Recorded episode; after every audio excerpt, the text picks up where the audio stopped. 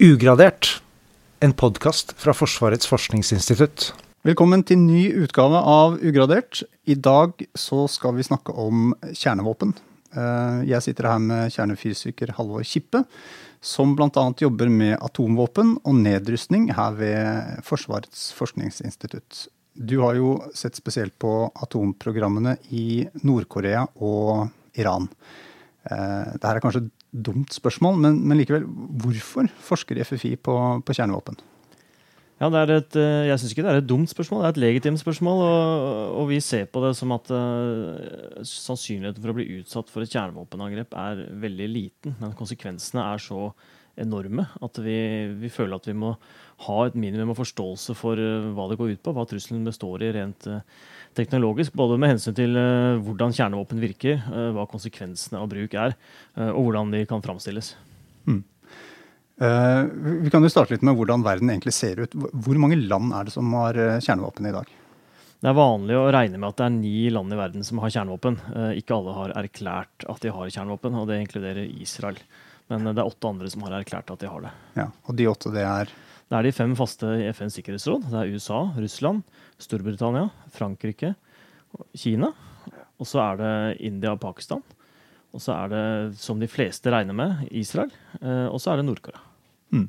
Men Er alle disse landene i stand til å bruke En ting er å ha kjernevåpen, men er alle i stand til å bruke dem? Det er i varierende grad, er vel riktig å si. Eh, nå har vi jo sett den siste tiden at Nord-Korea har vel egentlig gjort det de kan for å overbevise verden om at de er i stand til å bruke sine kjernevåpen. I hvert fall i et regionalt perspektiv, og for å true Japan og, og Sør-Korea og amerikanske styrker i det området. Uh, og så har du land som Israel, som er langt mer tvetydige, som ikke har den åpne testingen av kjernevåpen og deres leveringsmidler. Uh, sånn som vi har sett det de, de store kjernevåpenmaktene som har testet en rekke ulike le leveringsmidler for kjernevåpen, og også testet både underjordisk og atmosfærisk med selve våpenet. Mm. Hvor, hvor, i verden er det størst fare for at uh, atomvåpen blir brukt? Da burde du antagelig snakke med en spåmann, men det er vanlig blant disse som følger med på disse spørsmålene her, å, snakke om at uh, Sør-Asia, altså en konflikt mellom India og Pakistan, at den kan utarte seg til å bli kjernefysisk. Nå har det vært krig eh, i det området i verden etter at de begge landene har fått kjernevåpen. Så det er ikke noe automatikk at det eskalerer dit hen. Eh, men videre så er det også nå snakkes det mye om at det, man ikke kan utelukke at det vil skje på den koreanske halvøy. Men, men det er snakk om lave sannsynligheter, tror jeg de fleste er enige om. Men altså, hva er den laveste og hva er den høyeste av de lave sannsynlighetene? Mm. Som du sier, Nord-Korea, der har det jo vært mye oppmerksomhet, oppmerksomhet, i det siste. De tester ut missiler som de hevder kan nå USA. Og så demonstrerer de jo forskjellige våpensystemer på strendene og publiserer videre om dette. Men, men hva slags evner har egentlig Nord-Korea når det kommer til kjernefysiske våpen? Ja, Du er jo inne på noe av det viktigste. Ballistiske missiler er det mest relevante leveringsmiddelet for uh, kjernevåpen både i Nord-Korea og andre steder. Og Det er missiler som går i en krum bane fra, fra landjorda fra eget territorium og til motpartens uh, territorium. Og Nord-Korea har en bevist evne til å skyte uh, ballistiske missiler med rekkevidder til å nå hele Sør-Korea og stort sett hele Japan. Og de har tatt en del steg nå nylig som, som gir dem missiler med enda lengre rekkevidder. Altså rekkevidder til å nå den amerikanske marinebasen i Guam, som er ja, rundt 3000-4000 km unna Nord-Korea. Mm. Så altså, det må vi ta med i planleggingen at de kan være i stand til å plassere kjernefysiske stridshoder på disse missilene, selv om det er en komplisert sak å gjøre. Men man vet ikke helt om de er i stand til å gjøre det?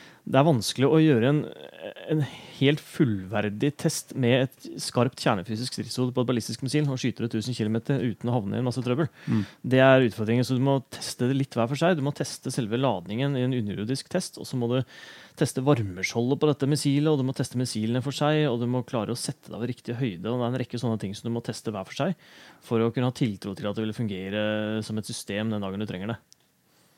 Nemlig. Uh men Nord-Korea, hva er egentlig grunnen til at de bruser med fjøra, for å bruke et sånt uh, begrep? Har de, har de, planer om å bruke våpnene, eller er det mer sånn for å skremme? Det er ganske vanlig å regne med at Nord-Korea eh, ser på kjernevåpen som sin ultimate livsforsikring. Eh, de har jo et massivt konvensjonelt forsvar, men et utdatert sådan, og det vet de veldig godt selv. De har jo ikke fått den overføringen av konvensjonelt forsvarsmateriell eh, fra Russland som de fikk fra Sovjetunionen. Og, og selv da lå de ikke på det høyeste nivået i teknologi. Så de vet selv at de er teknologisk utdatert, og da blir jo kjernevåpen Ironisk nok så blir det en slags sånn billig det vi kaller en equalizer. altså de kan, de kan, ha en ganske stor avskrekkende evne mot en aggressor. Da. Og den aggressoren er jo da, I de fleste scenarioer så er det et USA-ledet eh, angrep da med Sør-Korea og eventuelt Japan, som de skal avskrekke. Og, og da er det for Nord-Koreas del billigere å avskrekke det ved bruk av eller ved å etablere en kjernevåpenkapasitet da, enn å modernisere det konvensjonelle forsvaret. Det er tankegangen. Mm. Så, så, det betyr ikke at de, at de, tester ut dette, betyr ikke at de går med umiddelbare planer om å bruke det, eller at vi trenger å miste nattesøvnen? Nei, Det er jo bare egentlig å se på historien hvis man ønsker å berolige seg selv. Det er jo ikke noe unikt uh, at Nord-Korea skaffer seg kjernevåpen. Vi har jo levd under trusselen fra kjernevåpen uh, under den kalde krigen, mange av oss. Vi ble jo ikke utslettet. og det er, det er, ikke dermed sagt at det ikke blir atomkrig noen gang. Men det var en avskrekkingslogikk som var uh, nokså overveldende under den kalde krigen. Og det var mer enn nok våpen til å ødelegge alt liv på jorda mange ganger. Men det viser bare at, det, at hensikten med disse våpnene er å avverge aggresjon, avverge konflikt. Mm. Et land som Nord-Korea er jo veldig lukket. Hvordan, når du forsker på et sånt lands eh, atom- og missilprogram, hvordan finner man egentlig eh, informasjon? Altså, hvordan har du jobba med, med Nord-Korea? Ja, Det er et ganske interessant spørsmål. for det er... Eh, vi benytter oss av åpne kilder for første, i de spørsmålene der når det gjelder Nord-Koreas atom- og missilprogrammer. Og da, er det jo, da må man ta forbehold på en del kilder, selvsagt. Men Nord-Korea er jo glad i å vise fram en del av systemene sine. Altså Det kommer svære militærparader hvor de ruller rundt med, med landmobile missilramper, og, og, man får etter hvert tak i høyoppløste bilder av systemer med, som inneholder ganske mange interessante detaljer. Og De blir vist fram, og, og det fins også forskere som klarer å, å, kjøre algoritmer på disse bildene og finne ut om de er doktorert, om de er ekte bilder, eller om de er gjort noen, om de er sminka opp litt. Og det, det skjer rett som det er at de er sminka opp, men da blir det som regel oppdaga. Det er det ene. Og så har vi jo en del kommersielle satellittfoto, ikke minst av atomanleggene. Men også av der de tester missiler og romraketter, så finnes det kommersielle satellittfoto. Uh, noen av dem er ferdig bearbeidet når de kommer til oss, uh, men det det er, ganske god kvalitet på de bildene etter hvert. I tillegg så har det jo vært, selv om det er ikke noe internasjonalt innsyn i atominfrastrukturen til Nord-Korea nå, og det har det ikke vært siden april 2009, så har det jo vært internasjonale inspektører der fra IAEA e tidligere. og de rapportene de har skrevet, er jo fritt tilgjengelig for oss og andre, og de kan man analysere den detaljen man ønsker. og der, Det gjør at vi har et ganske klart bilde av, av de kjente atomanleggene, med, med unntak av, av urananrikningsanlegget. Der, vet vi, der har vi bare overfladisk kunnskap, eh, for så vidt. Men uh, av den delen av atominfrastrukturen som går ut på å produsere plutonium, der har vi ganske detaljert kunnskap, faktisk. Mm. Du har jo også jobba mye med Iran og atomprogrammet der. I, I, 2015 så ble det inngått en avtale mellom Iran og den såkalte P5 pluss 1-gruppen. Eh, P5 pluss 1 det er jo da de fem faste medlemmene i FNs sikkerhetsråd. Eh, USA, Russland, Kina, Storbritannia og Frankrike. Og i tillegg så er Tyskland med. Men denne avtalen, hva, hva går den ut på? Den, eh, det er en omfattende avtale, men eh, de viktigste elementene i avtalen det er eh, fra si, vestlig ståsted så handler det om å, å, legge begrensninger på atominfrastrukturen i Iran. og Det viktigste der er å begrense landets kapasitet til å anrike uran. Man ønsket å få denne kapasiteten ned på et nivå som gjør at det vil ta minst et år fra landet tar en beslutning om å utvikle kjernevåpen, til de har den første testklare ladningen. Det har man fått til. Videre så har man fått til økt innsyn fra før av så var det veldig stort internasjonalt innsyn i det, i det iranske atomprogrammet. Men nå har vi fått enda mer innsyn med kortere, eh, altså hyppigere eh, inspeksjoner. Og inspeksjoner i flere typer anlegg. Og fra Irans side så har de blitt eh, Altså de opphevet isolasjonen fra det internasjonale samfunnet. Og er det noe handels... Uh... Ja, I det så ligger jo resolusjoner i Sikkerhetsrådet uh, med sanksjoner mot oljesektoren og, for, og forskjellige som er fjernet. Mm. Fullstendig? Ja, det er vel, det tar litt tid, da, en del av dette, men uh, mye har kommet på plass. da. Mm. Hvor lenge varer avtalen? Det er litt forskjellig varighet på forskjellige deler av avtalen. Men det er rundt 15 år på, på begrensningen i atomstrukturen. Nemlig. Men hva blir konsekvensene hvis denne Iran-avtalen ryker?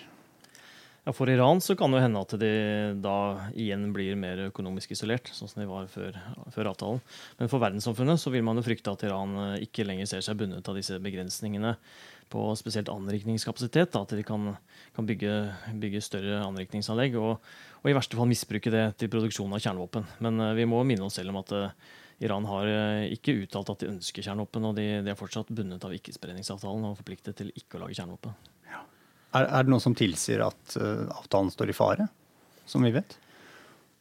Avtalen er jo prisgitt eh, støtte fra, fra, de viktigste partene. Og nå har jo iranerne gjenvalgt Rouhani, president Rouhani, som, som, er en sterk tilhenger av denne avtalen. Uh, uh, og så har, har, man jo Trump på amerikansk side, så, så er det spennende å se om, om han vil gjøre noe aktivt for å, for å avslutte avtalen. Det, det, er ikke jeg rette mann til å spekulere i. hvis vi beveger oss litt vekk fra, fra Iran og, og, tenker mer globalt. Jeg husker jo godt da de første store nedrustningsavtalene for atomvåpen kom på begynnelsen av 80-tallet. Men altså, hvor stor andel av USA og Russlands atomvåpenarsenaler er det egentlig som er blitt borte siden den gang? Ja, det er ganske mange våpen som er i hvert fall tatt ut av tjeneste. Det var nesten 70 000 kjernefysiske ladninger som var uh, i eksistens, altså enten i tjeneste eller på lager på kalde krigens uh, kan si, Kall det toppunkt eller bunnpunkt, alt etter som du ser det, men rundt 1985 så var det rundt 70 000 kjernevåpen i verden. Mm. Og nå, De oversiktene vi har, sier at det finnes rundt 16 000 kjernevåpen i verden. Men nå må vi huske på at de avtalene du snakker om, de strategiske rustningskontrollavtalene, de handler egentlig ikke om destruksjon av kjernefysiske stridshoder. Det handler om å ta stridshodene ut av tjeneste. Så Man snakker ofte om upload capacity. altså hvilke, altså Hvor mange våpen har du på lager som du senere kan sette ut på leveringsplattformer? Det er litt viktig å ha i bakhodet når det gjelder disse avtalene. her. Så, så, du sier nå at disse våpnene de eksisterer fortsatt? De er bare tatt ja. ut av tjeneste? Ikke alle. Noen er destruert. Ja. Ganske mange er destruert. Men det mm. fins mange stridshoder som under uh, det, det, du omtalte egentlig i starten her, var vel uh, Du hadde vel antagelig Start 1 ja, i tankene. Og så nå er det New Start som er den gjeldende siden 2010. Og under den avtalen så skal det ikke være flere enn 1550 strategiske stridshoder som er kan si, utplassert på strategiske leveringsplattformer i Russland og USA. Eh, eh, men det er altså ikke noe krav om hva du gjør med de våpnene, eller de stridshodene som er tatt ut av tjeneste. De skal, skal ikke nødvendigvis destrueres under den avtalen. Ok, Men hva slags våpen er det de sitter igjen med, og hva er det som er destruert? Under den kalde krigen så fantes det jo mange mange typer uh, leveringsmidler for kjernevåpen. Altså, du hadde artillerigranater og landminer og, og torpedoer og alt mulig rart. Uh, nå for tiden så er de fleste kjernevåpen egentlig det vi kaller strategiske våpen uh, som bor på lang, langtrekkende missiler. Altså enten missiler som skytes fra landjorda i, i siloer, eller mobile ramper, eller fra ubåter. Så Det er de vanligste i disse dager. Det finnes mm. også fly, flyleverte, altså bomber. Ja. ja. Du har også forska og jobbet en del med eh, verifikasjon av kjernefysisk eh, nedrustning. Hva, hva, vil det si? Hva ligger i det? Ja, Der har jo hele atomgruppa ved FFI i samarbeid med Institutt for energiteknikk og NORSAR her på Kjeller og Statens strålevern vi har hatt et samarbeid med britiske forsvarsmyndigheter og kjernevåpenlaboratoriet i Storbritannia om å se på prosedyrer og teknikker som er nødvendige dersom du skal ha en faktisk opphugging, og ikke bare ta våpen ut av tjeneste, men hugge dem opp da, eh, for godt. Eh, for da er du nødt til å forsikre deg om at det er et ekte våpen. Som, eh, som du, hvis du skal ha internasjonale inspektører da, som verifiserer dette her for verdenssamfunnet, så må de overbevises om at det er et ekte våpen som hugges opp. Og da må du ha en ja, noen form for målinger for å overbevise inspektørene om at det er ekte, og at ikke noe materiale kommer på avveie. Og Det er den type både målinger og, og prosedyrer knyttet til dette her som vi har samarbeidet med disse partnerne våre om i en tiårs tid. Hmm. Er, er, dette metoder som er tatt i bruk nå? Ja, Det er jo ikke noe sånn type prosess med internasjonal verifikasjon i dag. Eh, så eh, vår tankegang er vel litt at eh, vi skal gjøre, gjøre den, den, forskningen på, på verktøykassa. altså komme opp med de metodene og prosedyrene som man måtte trenge den dagen man står overfor en situasjon hvor, hvor stater ønsker å ikke bare kvitte seg med kjernevåpen, men også overbevise verden om at de har gjort det. Så da, da, da, tenker vi at da bør verktøykassa ligge klar. Da. Så det er det som er tankegangen. Hmm. Trump har sagt at han vil styrke og utvide USAs kjernefysiske evner. Og samtidig så har Putin lovet å styrke sine strategiske kjernefysiske styrkers potensial. Betyr det her at USA og Russland nå produserer nye våpen, eller hva, hva er det egentlig de snakker om? For det første så tror jeg vi kan legge til grunn at de begge er interessert i å overholde den New Start, altså de begrensningene som ligger der på både antall strategiske stridshoder i tjeneste, men også plattformer for å levere dem. Så, så det er en slags uh, sjalting av stridshoder hit og dit. Og så er det det, det vi kaller life extension programs, altså hvor du sørger for at disse våpnene vil fungere også om 10 og 20 år. De forlenger levetiden, og de, kanskje de bytter ut noen mindre sensitive deler. Eh, og så er det, særlig på russisk side, meg bekjent, eh, har vært en del utvikling på, på leveringsmiddelsiden. Altså missiler som har blitt eh, oppgradert. Mm. Eh, I disse dager så er jo det første utkastet til en FN-konvensjon som skal forby atomvåpen klart. Men Nato-landene og de fem faste deltakerne i FNs sikkerhetsråd har jo ikke deltatt i disse forhandlingene. Eh, hvordan det går med denne kombinasjonen skal vi ikke spekulere i her, men hvis den tas i bruk, så kan vi jo faktisk si at eh, disse verifikasjonsmetodene man eventuelt vil bruke da, de har jo FFI vært med på å utvikle.